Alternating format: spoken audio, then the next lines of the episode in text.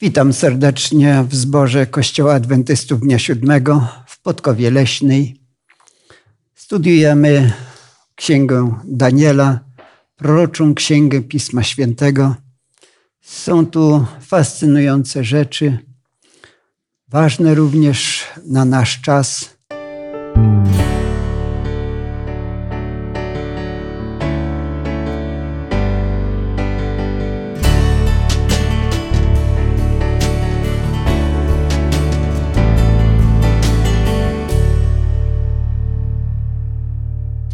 Dzisiaj wraz ze mną jest Estera, Maria, Zbyszek. Ja mam na imię Julian.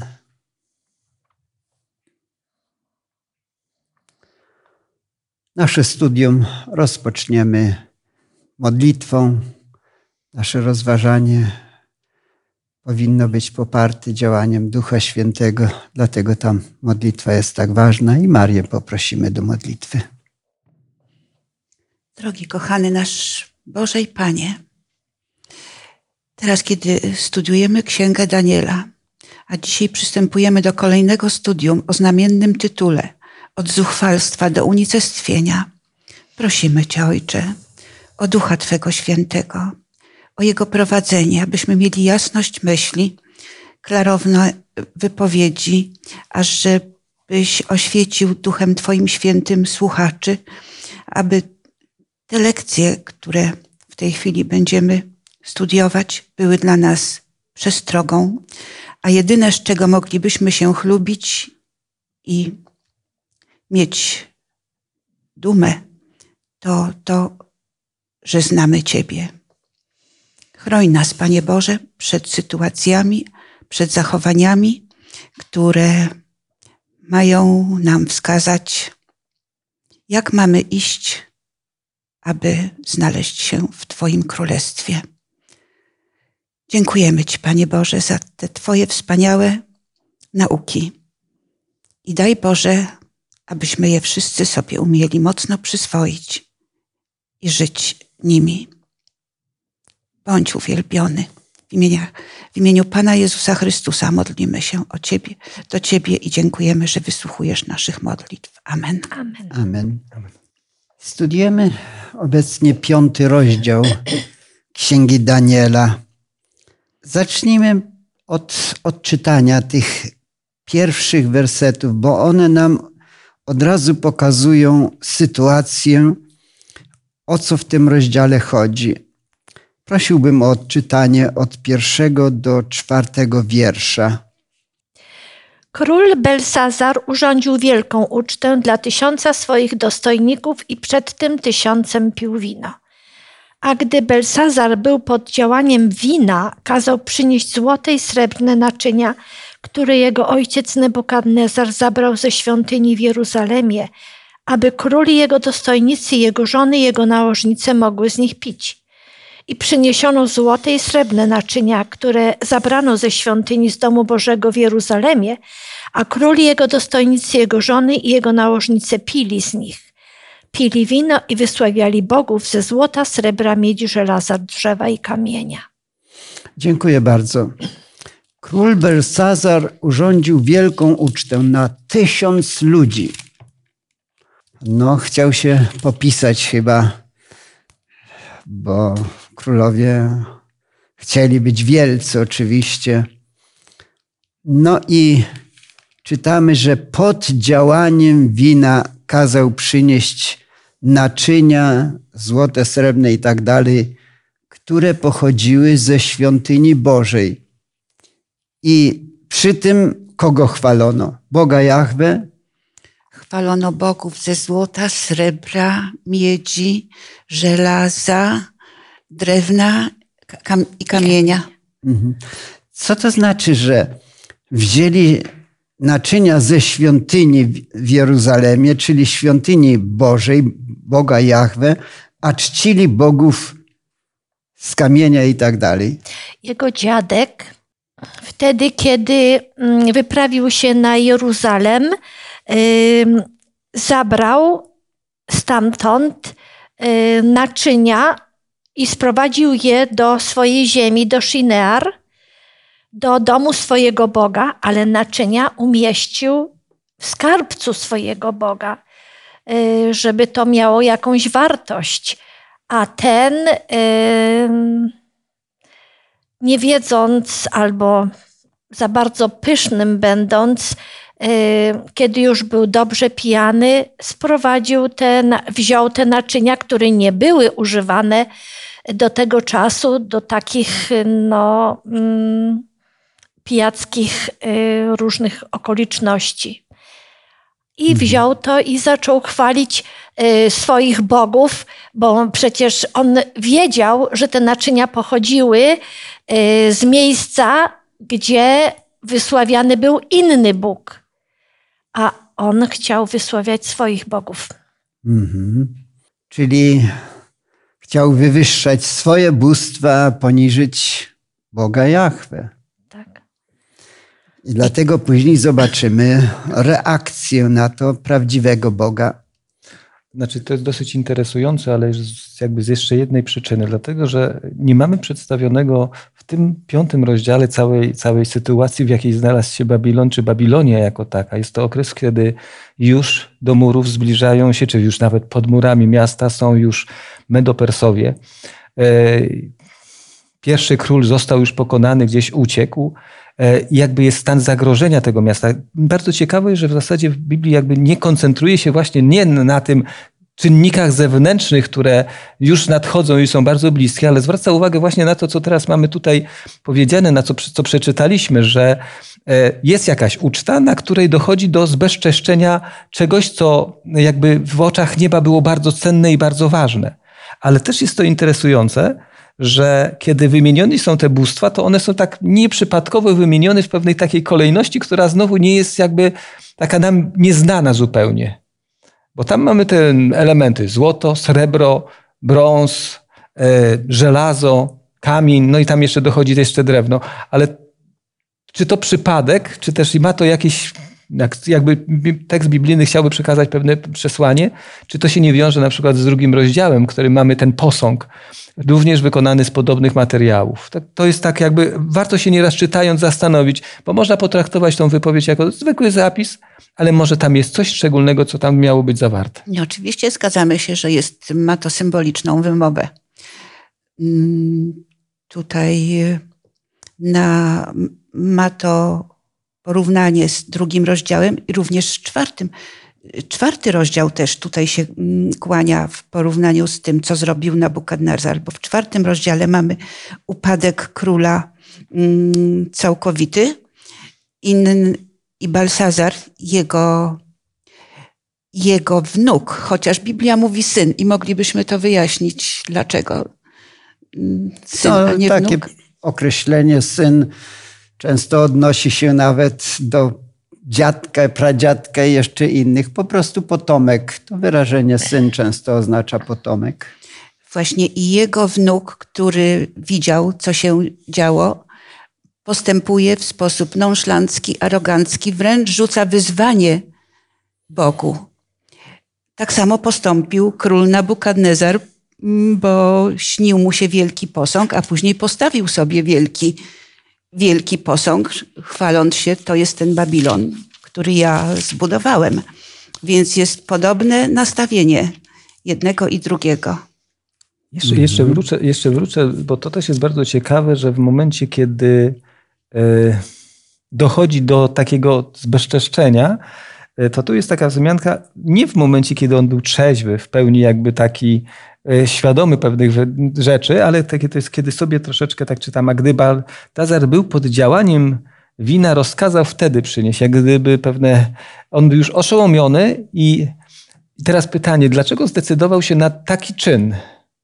Tak, tak mówię, no to jest bardzo dziwna rzecz, że w pewnym momencie jakby przypomina sobie jednak nieoczekiwanie, że te naczynia mogą, może z nich skorzystać i je zbezcześcić tak sobie, to też jest interesujące. Jeżeli spojrzymy na to jakby w wymiarze późniejszych wydarzeń, które mamy przedstawione na przykład w objawieniu, które też nawołują do Babilonu i do pewnych wydarzeń, zaczyna to mieć jakby też jakby nieprzypadkowy charakter, że to wtedy w takim stanie doszło do, do, takiego, do takich czynów.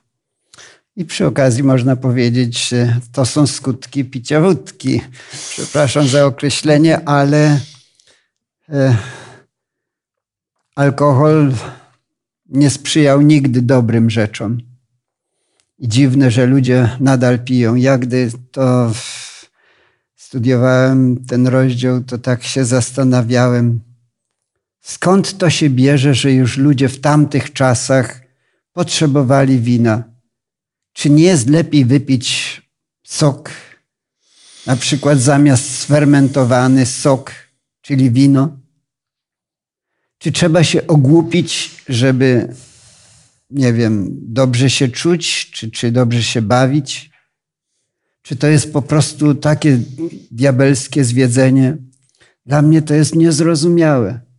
Dlaczego ludzie dobre rzeczy zamieniają na rzeczy gorsze i mówią, że to jest dobre?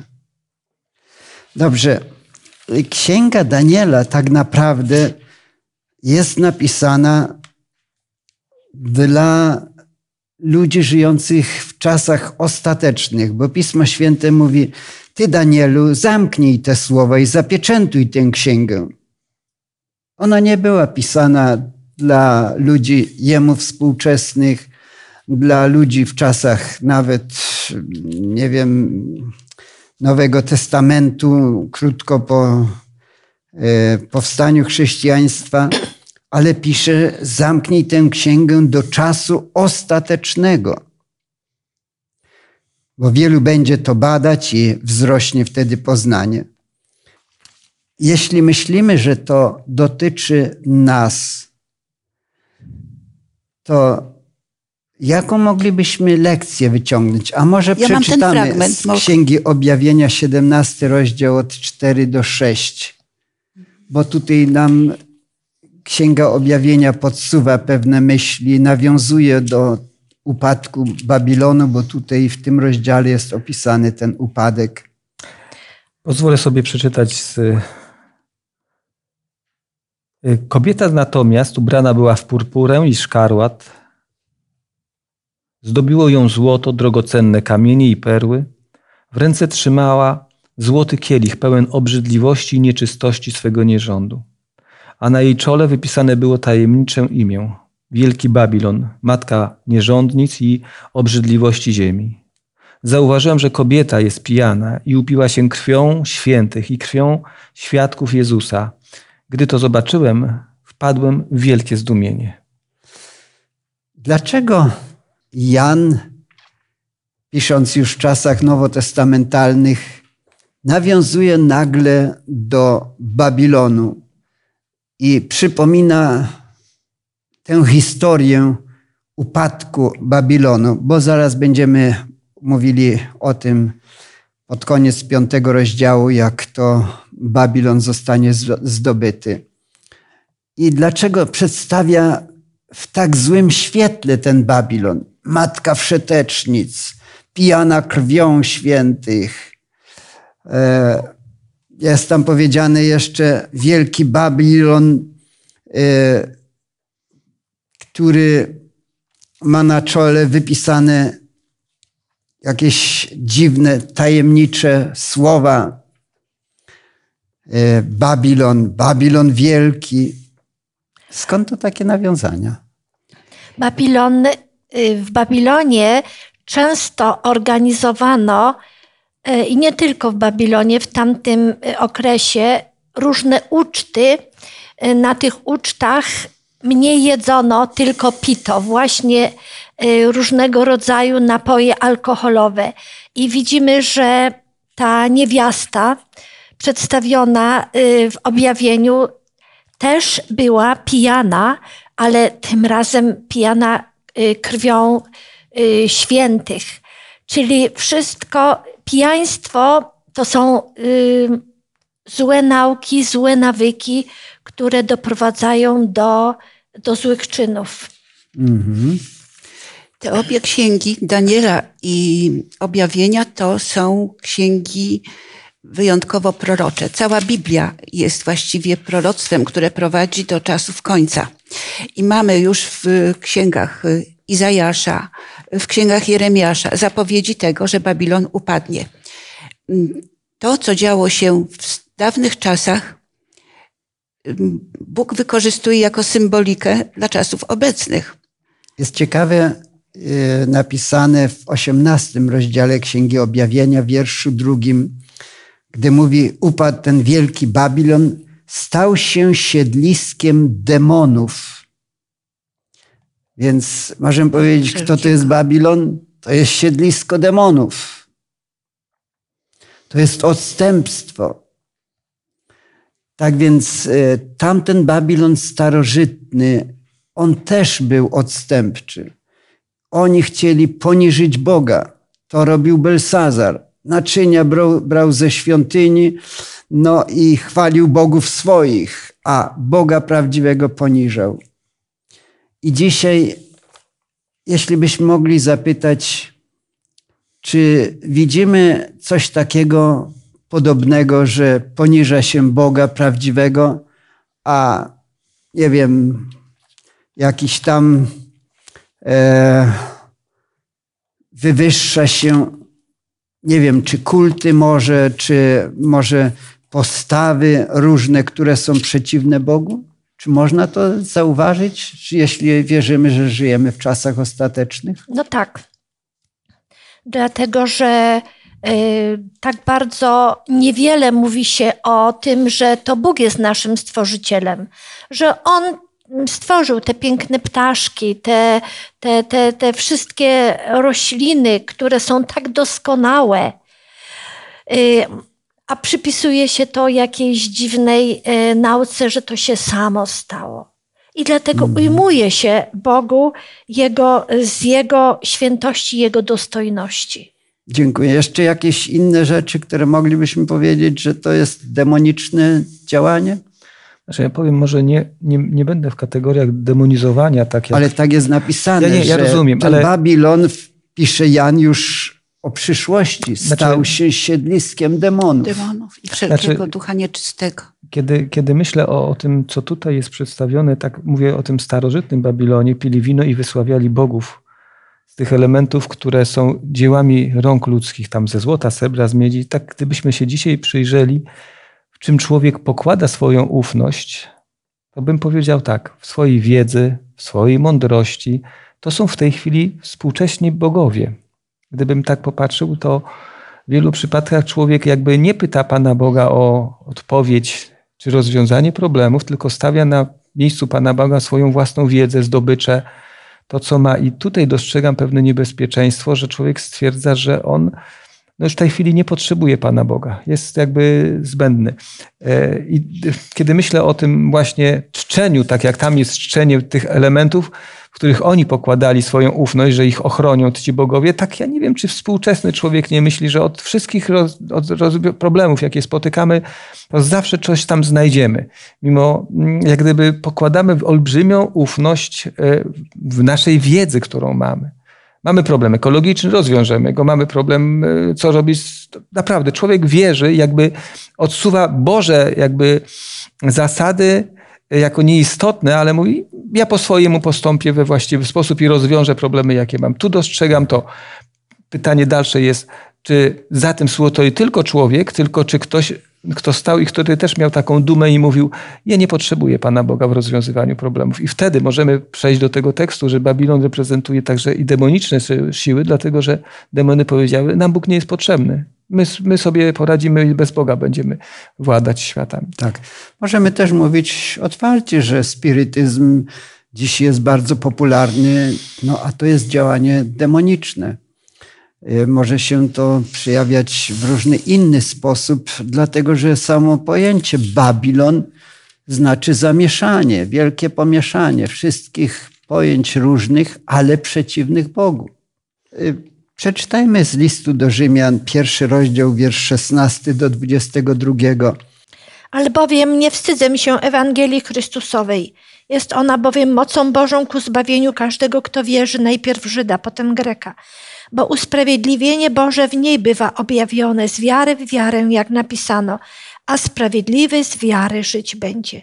Albowiem gniew Boży z nieba objawia się przeciwko wszelkiej bezbożności i nieprawości ludzi, którzy przez nieprawość tłumią prawdę. ponieważ to, co o Bogu wiedzieć można, jest dla nich jawne, gdyż Bóg im to objawił. Bo niewidzialna Jego istota, to jest wiekuista Jego moc i bóstwo, mogą być od stworzenia świata oglądane w dziełach i poznane umysłem, tak iż nic nie mają na swoją obronę. Dlatego, że poznawszy Boga, nie uwielbili Go jako Boga i nie złożyli Mu dziękczynienia, lecz znikczemnieli w myślach swoich, a ich nierozumne serce pogrążyło się w ciemności. Mienili się mądrymi, a stali się głupi. Uważając się za mądrych, zgłupieli. No, gdy myślimy o Babilonie, tamci ludzie uważali się za bardzo mądrych. E, gdy na ścianie pojawił się napis jakiś, to król wezwał. Tu jest napisane yy, tych ludzi, którzy zajmowali się czarami, wróżbiarstwem. No i są oni nazwani mędrcami. E, to jest w wierszu Siódmy. Siódmy. siódmym. Tak. Wtedy król odezwał się i rzekł do mędrców babilońskich. No, gdybyśmy dzisiaj powiedzieli, e, zawołajcie mi tutaj wróżbitów, magów i czarowników, chaldejczyków i astrologów, jak tu jest wspomniane w wierszu siódmym, to użylibyśmy określenia mędrcy? Nie, na pewno nie. Ale wtedy im się wydawało, że to są mędrcy. No a my dzisiaj żyjemy w innych czasach i teraz jakbyśmy tutaj kogoś zawołali, to byśmy powiedzieli, to są mądrzy ludzie, naukowcy, jak tu Zbyszku powiedziałeś. A gdyby tak minęło, nie wiem, 500 lat, to nie wiem, jakby tamci ludzie myśleli o tych naukowcach naszych czasów. Pismo Święte mówi, uważając się za mądrych, zgłupieli. To bardzo ostre słowa, dosadne, ale gdy myślę o wszystkich czasach, gdy myślę o tych czasach babilońskich, gdzieś tam w VI wieku przed naszą erą, gdy myślę o czasach powiedzmy wielkiej kultury greckiej i jak to wszystko wyglądało, o tych, nie wiem, nawet y, zawodach, kiedy nago występowali zawodnicy, a mężczyźni ubierali maski kobiece, żeby pewne role grać, to myślę sobie, gdzież ta mądrość? Albo ta wielka filozofia, Toż to głupoty, to, to dzieci by się dzisiaj śmiały z tego. Znaczy, no a gdy myślimy o czasach średniowiecza, o którym mówię, że to było ciemne średniowiecze, no to patrzymy na całą historię, to można powiedzieć, to jest historia głupoty ludzkiej. To prawda. Ale Bóg... myślę, że i o naszych czasach by tak można było powiedzieć, y, więc y, tu jest porównany właśnie czasy ostateczne do czasów tych Babilonu, którzy uważali się za mądrych ludzi. Mędrców zawołali. No i co oni zrobili? Potrafili wyjaśnić coś? Tak, no przejdźmy tak. do tej myśli. Mianowicie, kiedy tak pili wino, wysławiali bogów. Cóż to za mądrość? Bogów ze złota, srebra i miedzi no to w tej samej chwili ukazały się palce ręki ludzkiej i pisały naprzeciw świecznika na wypiennej ścianie pałacu królewskiego. Król to zauważył, przeraził się. Wierszu szóstym jest napisane, że kolana jego drżały. No i zawołał wtedy tych mędrców, żeby wyjaśnili. Wyjaśnili to? Co to znaczy ten napis? Nie mogli wyjaśnić, dlatego że to nie byli cudzy Boży. Y, to było pismo y, kogoś bardziej świętego i inteligentnego. I tylko mógł wyjaśnić takie, mm, ten napis ktoś, kto miał kontakt z Bogiem. Jeśli mogę, znaczy tutaj można to rozumieć różnorako, dlatego że być może ten napis nie był aż tak bardzo skomplikowany, ale nawet jeśli oni byli świadomi tego i powtórzyli to, co później e, Daniel powiedział, to wyobraźcie sobie, nie każdy ma odwagę mówić komuś, że kończy się twoje panowanie, upadniesz, jesteś, jesteś maleńki, jesteś, nic się nie liczysz, bo jesteś zważony przez kogoś na wadze, jesteś lekki, więc e, wypowiadanie takich wyroków e, może, może być ta, powodem do niewypowiadania i lepiej powiedzieć ja nie wiem, e, niech ktoś inny to powie. Dlatego, że nieraz przesłanie, jakie to niosło, ono nie niosło nadziei, tylko wyrok. I powiem szczerze, że to te, też mogło powstrzymywać niektórych, nawet jeśli to rozumieli. Więc tak mówiąc o tej, to trudno jest odpowiedzieć czy do końca, bo popatrzcie, kiedy Daniel przychodzi, kiedy wyjaśnia to za parę wersetów dalej jest, to tam dokonuje nawet takiego, to mnie zastanawiało, on postępuje bardzo odważnie. Bo tam w pewnej chwili dowiadujemy się, że on przedstawia królu, ty przecież wiedziałeś, znałeś swego dziadka, wiedziałeś, co on czynił, jakie on miał doświadczenia. Nic z tego się nie nauczyłeś, niczego nie, nie wyciągnąłeś żadnych wniosków, jakby stwarza mu zarzuty, czy nawet jakby przedstawia mu jego winę.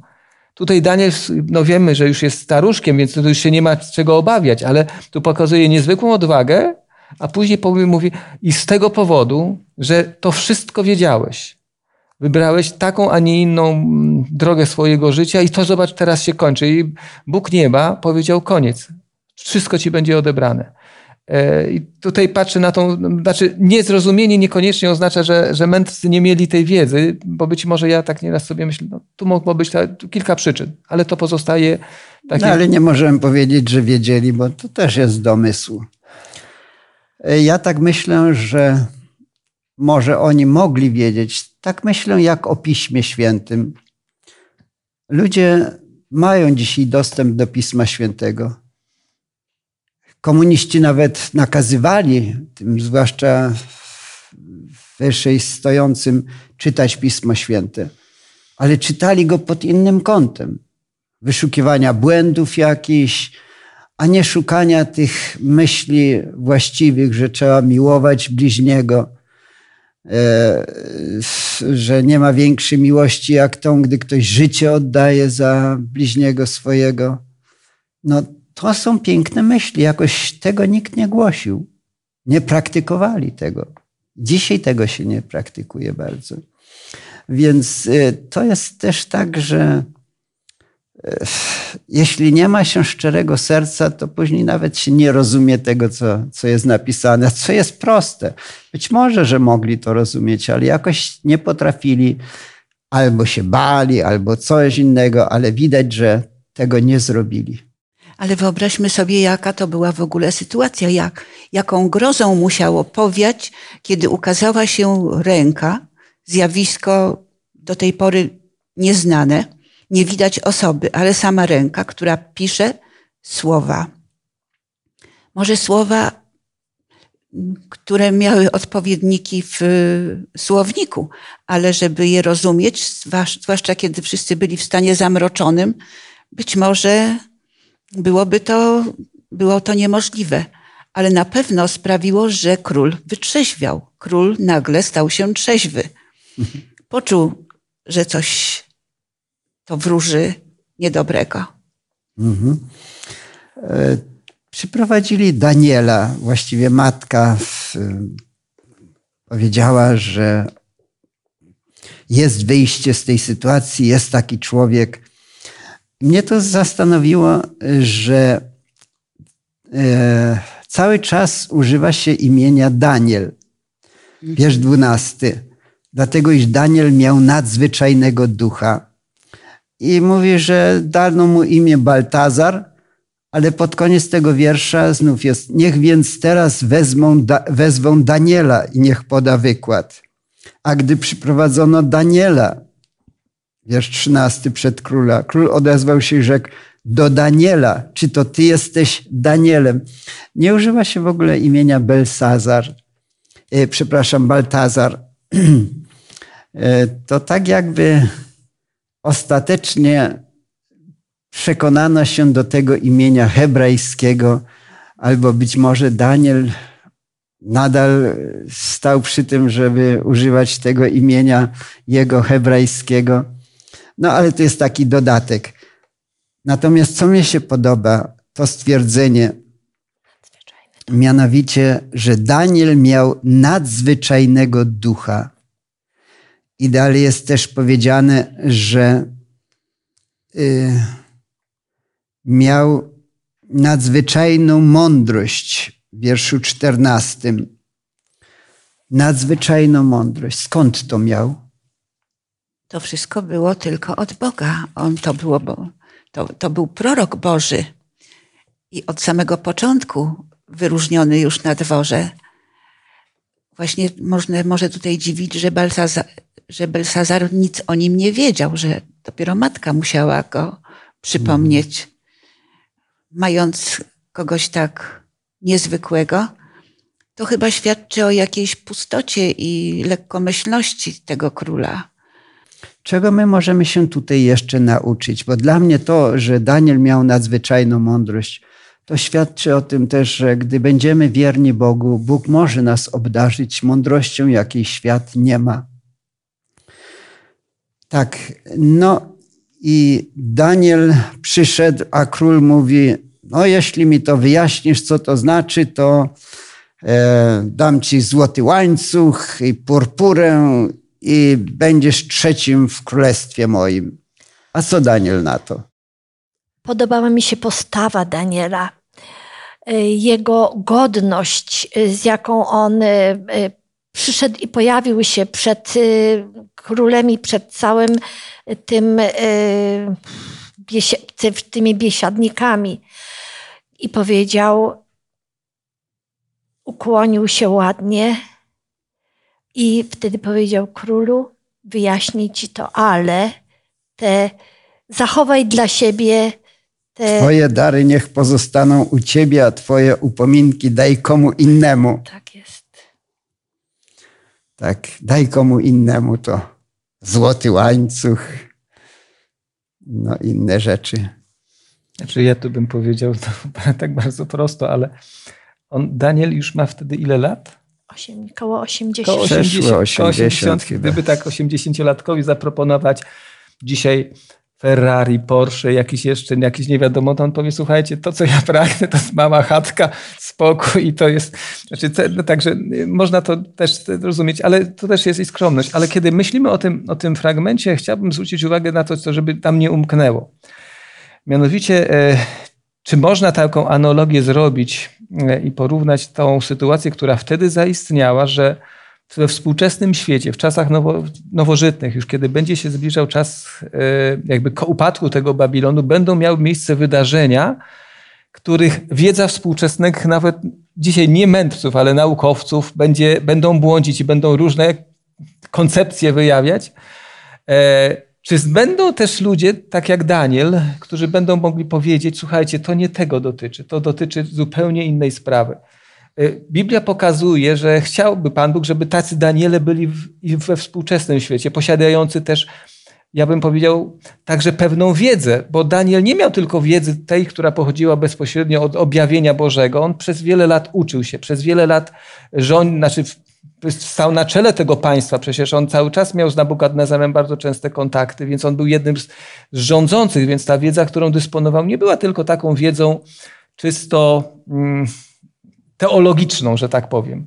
E, więc e, chcę powiedzieć przez to, że jakby Pan Bóg pokazuje tu, że e, Daniel otrzymał wiedzę i babilońską, i tą Bożą, i połączona dawała mu ona taką mądrość, która pozwalała wyjaśniać we właściwy sposób rzeczy, które się działy na świecie. I tak myślę, że może dzisiaj warto powrócić do tej wiedzy nie tylko ludzkiej, ale tej, którą Pan Bóg oferuje człowiekowi i mieć tą wiedzę, żeby do, właściwie rozstrzygać rzeczy, które, rozwiązywać rzeczy, które są przed człowiekiem, wyjaśniając. Dochodzimy do tego najważniejszego punktu, który jest zawarty w wierszu 21 Mianowicie Twój dziadek poznał już to, że Bóg Najwyższy ma władzę nad królestwem ludzkim i ustanawia nad nim kogo chce. Czyli pokazane jest, że ostatecznym Panem wszystkiego i państw i królów jest Bóg, ten najwyższy, którym Ty pogardziłeś. To jest lekcja dla nas w naszych czasach też bardzo ważna.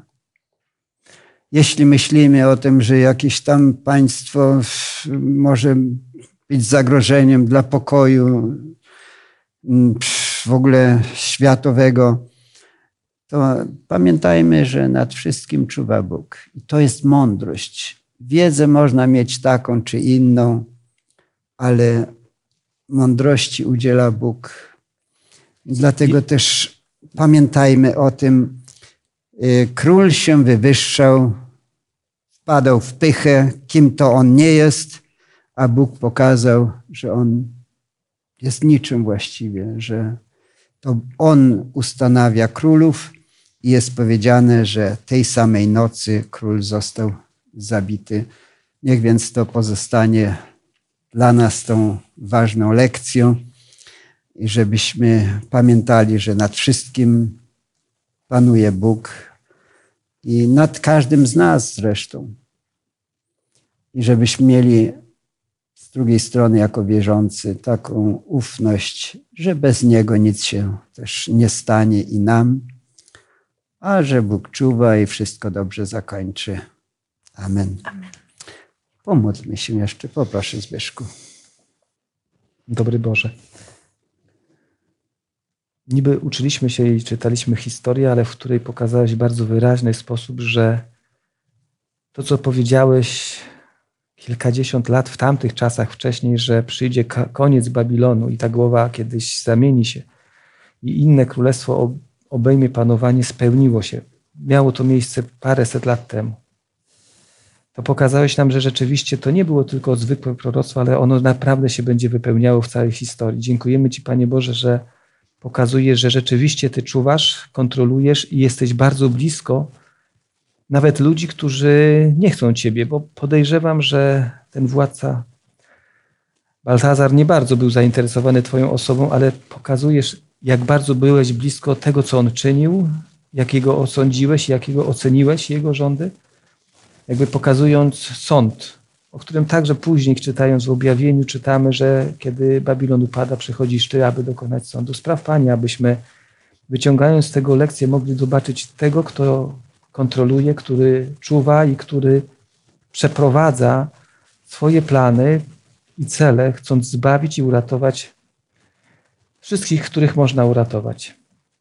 Przez Pana Jezusa, Panie, Boże, dziękujemy Ci za tę prawdę, który objawia siebie jako wielkiego Pana, który nad wszystkim kontroluje i wszystko nad wszystkim czuwa. Amen. Amen. Amen. Dziękujemy bardzo za wspólne studium. Temat będzie kontynuowany za tydzień. Za tydzień będziemy mieli następny rozdział Księgi Daniela.